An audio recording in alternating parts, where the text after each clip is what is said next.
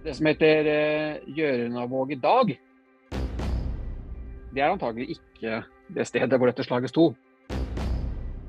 Jeg er rimelig overbevist om at det som står i uh, ulike skrifter om Gjøringavåg, at det handler om området der som jeg er født og oppvokst.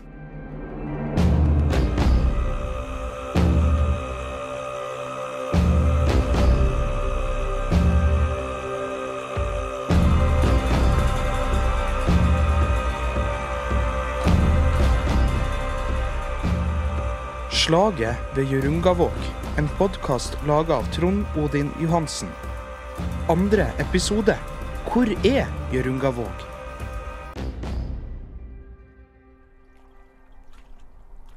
Her i begynnelsen hørte du bl.a. Kim Jardar, som i forrige episode fortalte oss om slaget ved Jørungavåg som skjedde i 986.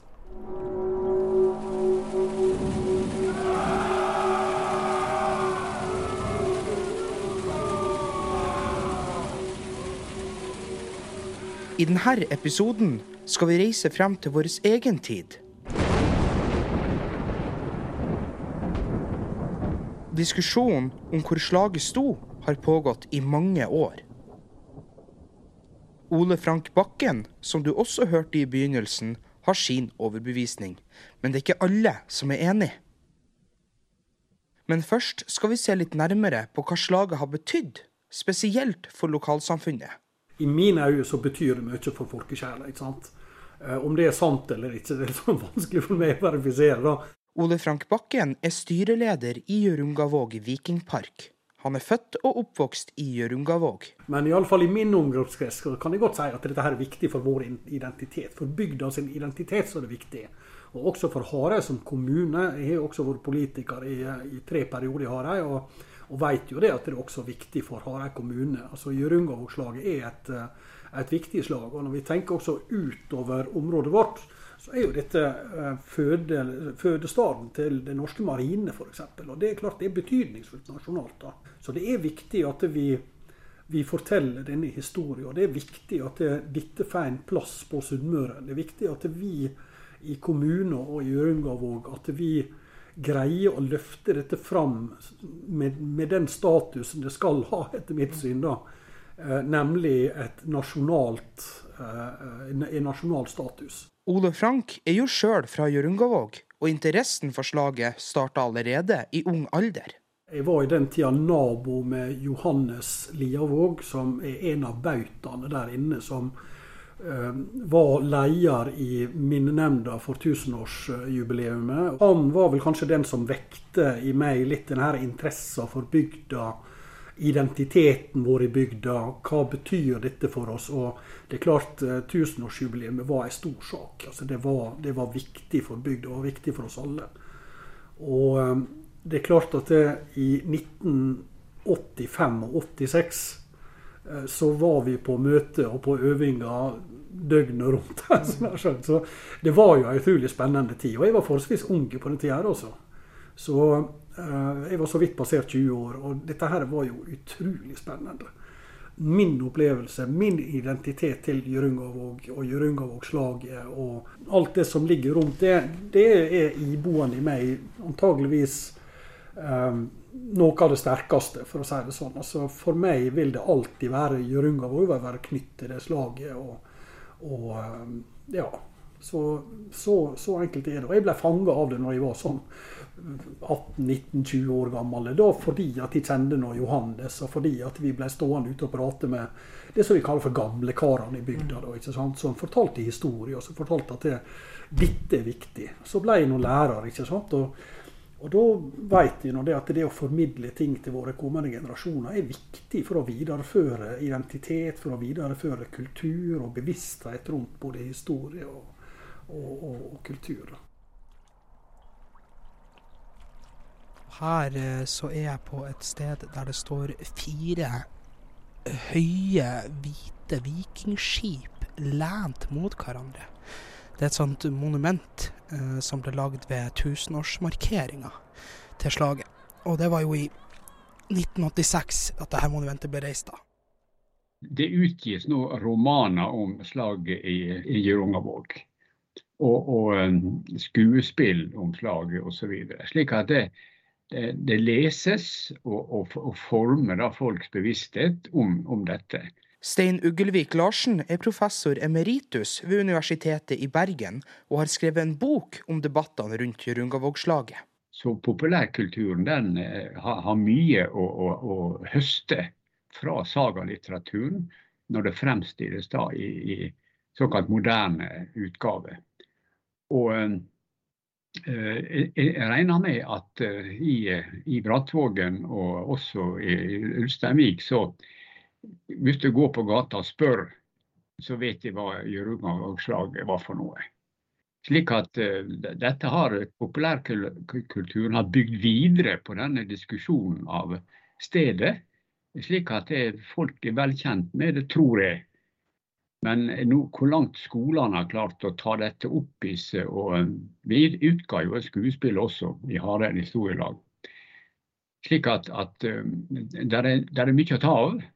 Men eh, jeg har ikke vært der på en stund, så jeg vet jo ikke hvor, hvor levende det er. Men det er jo klart at hvis skolene tar tak i det skikkelig, så vil dette forplantes i generasjoner fremover. I Rungavåg bygges det for tida en vikingpark for å formidle historien.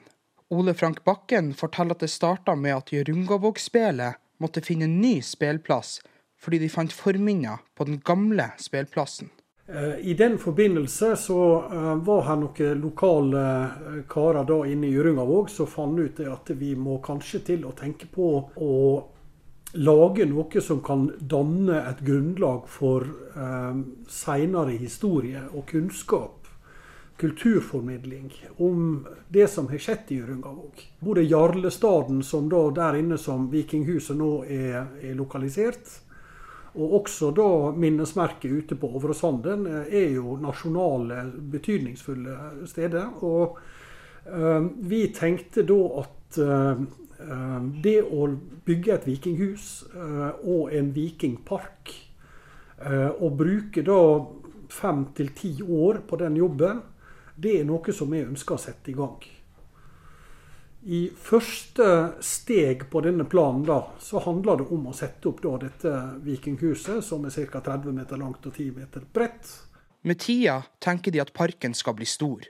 Ole Frank sier at de ikke vil gape over for mye, og at de aller først vil prioritere at langhuset blir ferdig. Videre har de planer om å bl.a. kjøpe et skip, bygge et naust og lage en vandringssti i parken og utover Hjørungavåg. På stien skal de sette opp informasjonstavle. Målsetninga vår med dette her, det handler jo selvsagt om kulturformidling. Formidling om Jørungavågslaget. Men også formidling av hvordan de konserverte mat, om hvordan de fangsta, om hvordan de kledde seg, og hvordan bygda var da for 1000 år siden. Så det er det vi ønsker å formidle for, for kommende generasjoner. da.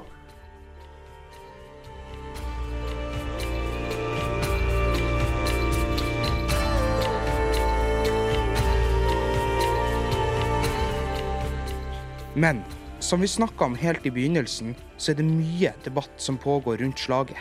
Det finnes mange forskjellige meninger om hvor slaget sto hen. Se bare inne på en kafé i Ulsteinvik. Der møtte jeg en gjeng som skulle nyte formiddagskaffen sin da jeg kom bort og spurte om Hjørungavåg. Da var praten i gang. Nei, Når det gjaldt eh, dette Hjørungavågslaget, så uh, dukka det opp uh, flere eh, teorier om hva det kunne stå. Og flere eh, sånne eh, bygdehøvdinger, som jeg vil kalle det, hadde hver sin teori. Det var rundt omkring på Sunnmøre. Men den jeg vet mest om, det er teorien om at det skulle ha skjedd inni Hjørungfjorda. Det her er det Kjell Inge Bjørke som forteller. Anders Hustadnes hadde alt i 1958 fått det med en uh, synsk som heter Jon Stavik. At uh, han har sett for seg det at det hadde skjedd inn i innste Hjørungfjorda. Bue Digre han har hoppa over bord med, med to gullkister. Bue Digre var en av vikingene som deltok i slaget. Antageligvis drukna da, men han Hustadnes mente det at han hadde gått på land og grevet dem opp eh, med Tussafossen. Så fikk han en eh, kar eh, da i slutten av april, begynnelsen av mai med sånne metallsøker. Og der begynte det å pipe. Og her ble det satt i gang graving. Først med hand. Nedi gjennom så fant de et hånd. Og teorien av eh, Susternes det eh, var at det var hånd eh, på Hjelmas budigre. Så kom det en kar som heter Per Sæter fra, fra Sunnmøre museum da, som slo fast at dette var et, et kruthånd fra 1700-ene. Hustadnes ga seg ikke med det, for en synsk fra Valdres som han hadde konferert med, kunne se gullkistene. Derfor ble det henta inn en gravemaskin. Til slutt så kom den ned på et K-lag, og da eh, ble det eh, alarm til eh, museene i Bergen. og Det kom sjefsarkeologen der, og Heidi Jøstein Resi. Og fylkesarkeologen og et par til. Ut ifra funnene så kunne de ikke si noe om det her var fra slaget ved Jørungavåg. Men eh, Anders Østernes han eh, kjempa jo for at eh, monumentet måtte komme inn der inn på Bjørke. da. Ja. Det er det jeg veit. Og det finnes som sagt flere teorier. Stein Uglevik Larsen skal fortelle oss om noen av de. Ja, altså Flisvågen er jo da den som eh, har vært veldig sterkt inne i bildet og hvor man da mener å kunne lokalisere Flisholmen ikke sant? og Vågen og innløpet. Og, og uh, hvordan man kan tenke seg at flåten har drevet over dit, og at slaget til slutt fant sted der. Men så har det altså på Almesida, hvor det, uh, altså, hevdes at slaget sto. Og uh, ja, det er iallfall de tre stedene der jeg tror også i Dragsundet var det snakk om at eh, folk mener det kunne funnet sted. Slik at både på, på sørsida og nordsida av det landet er det lokaliseringsdebatt. Men Flisvågen har jo vært da, det, det, det, tunge argumentet fra andre sida. At man gjerne vil eie slag i sitt område. Og, og diskusjonen har gått høyt. Så uh, dette, dette, er ganske, ganske spennende, syns jeg fortsatt. Ole Frank Bakken tror, som du hørte i begynnelsen, at slaget skjedde på hans fødested, nemlig på stedet som i dag kalles Jørungavåg. Jeg har ikke vært inn i diskusjonen heller jeg, rundt uh, dette, selv om jeg, jeg, jeg må nå tilstå det at jeg hele livet har vært veldig interessert i historie. Og har lest alt jeg kommer over, uh, fra perm til perm. og jeg har også uh, eh, snakka med arkeologer, jeg har snakka med, med mye folk rundt dette. her, sånn at jeg, jeg kjenner nå på meg at jeg har en viss basis for å kunne reflektere rundt dette. Men jeg syns det det er så usikkert alt som ligger her, på en måte. Uh, og når han på en måte ikke engang er sikker på hvem som kom oppover oss, han, han vet jo det at det var Bue Digre og Sigvalde Jarl og sant, altså Vagn Åkesson og alle disse. Altså, sånn at det, Selve historien den tviler ikke et sekund på, for den har vi på en måte sikre kilder. eller sikre vi har ulike kilder på forskjellige geografiske plasser som forteller omtrent samme historie. Derfor så er nok den veldig troverdig. Men i forhold til hva det var, altså akkurat lokalisering av slaget, det finner ikke jeg veldig verifiserbart, for å si det slik. Og Derfor så tenker jeg at eh, i stedet for å dvele ved det, da har jeg lyst til å spørre de som har andre alternative stallplasser, ja, hva er hensikten med å prøve å finne det, på en måte? Eh, er, det slik at det, vi skal flytte nasjonalmonumentet til en annen plass, eller er, er, er, det noen slags målsetning med å på en måte kunne finne det? Altså, jeg ser jo det at det kan være et poeng i seg sjøl å finne det, men så lenge alt er spekulasjoner, så kommer liksom den ene etter den andre ut på radio og sier at ja, jeg tror at det var der. Da sier jeg ja vel, du tror det. Og så ja, skal vi legge det til grunn på noen måte, eller Nei, vi kan jo ikke det. Der står historien, på en måte. Og det forholder jeg meg til. Når vi ikke har noen fysiske bevis, kan vi da i det hele tatt tro på slaget? Stein Uglevik Larsen drar paralleller til slaget på Stiklestad. Nei, det er sånn som vi holdt på å si eh, slaget på Stiklestad. Eh, det er jo ikke synlig bevis i, i, jorda der ute. De har ikke funnet noe. Men de har reist Olavsstøtte, og de har markert veldig mye.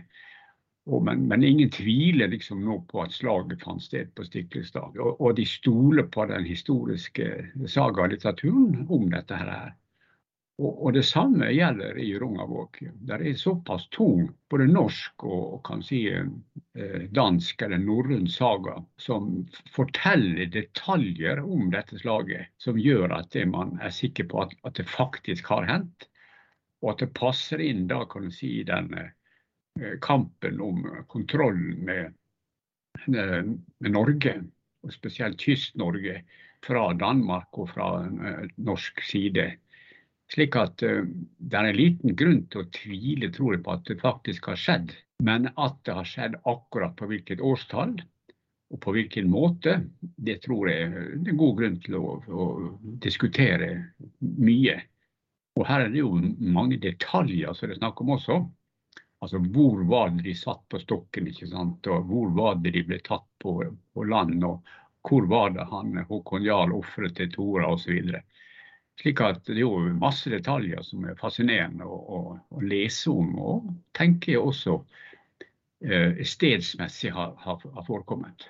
Men sjøl om vi kan tro på at slaget skjedde, så har ikke diskusjonen rundt slaget stoppa opp. Denne tradisjonen og diskusjonen om slaget i Rungavåg den er levende den dag i dag. Dette da at folk i, i voksen alder virkelig går til kildene og prøver å begrunne sitt standpunkt. Og da er det folk som eh, gjerne ikke har akademisk utdannelse eller trent i kildegransking og sånt. Det syns jeg er en stor verdi å vise og, vitne om. Altså at eh, når nysgjerrigheten for sånne dramatiske hendinger fører de inn i å granske de tilgjengelige oversettelsene av disse fem Jomsike-saga-utgavene, så er jo det ganske imponerende. Og han Kvalsund, som jeg hadde mye med å gjøre, som bodde inne i eh, nært Sunnmøre museum, han var en av disse her som virkelig brukte masse tid og krefter og leste. Og jeg tror han til og med var på Island for å få enda mer informasjon om kildesituasjonen. Og Det syns jeg er helt, helt, utrolig flott. Og Det tror jeg vitner om at det er en lokalkultur på Sunnmøre som er ganske enestående. Stein Ugelvik Larsen forteller at interessen for Jurungavåg-slaget kom når han som ung gikk på skolen i Ålesund. Dette slaget i Jurungavåg, det, det, liksom, det var omkring i, i, i min oppvekst og en sånn mystisk greie. Og Det var ikke så lett kommunikasjon at jeg kunne reise inn i Liavågen f.eks. Men det førte meg til at jeg, når jeg kom i situasjonen at jeg kunne få utnytte eh, kontakter og andre på Universitetet i Bergen bl.a., så fikk jeg liksom realisert en slags guttedrøm om å gå i dybden på dette her, som hadde ligget i min bevissthet i så mange, mange år tilbake. Og, og det er grunnen til at jeg gjorde det. Og, og, og det er kanskje en avsporing fra min ordinære karriere, da, men entusiasmen den, den, var til stede. Og når jeg begynner å snakke om det nå, så kjenner jeg det stiger opp igjen samme nysgjerrigheten og interessen for saken. Det er ingen tvil om at historien fra slaget og debatten som pågår den dag i dag, skaper stor entusiasme for de som har interessert seg for slaget. Hva vi finner ut av om 10-20-30 år, det vet man ikke. Men at slaget ved Jørungavåg vil forbli en viktig historisk begivenhet for lokalsamfunnet på Hareid, er det ingen tvil om.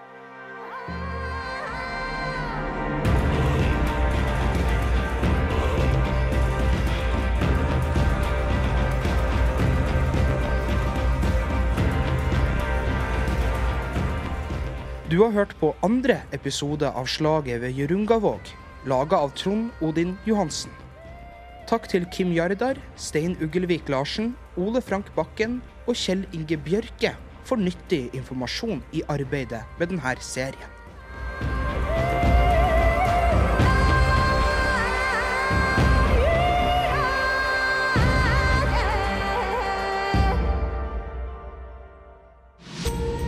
En podkast fra Radio Volda.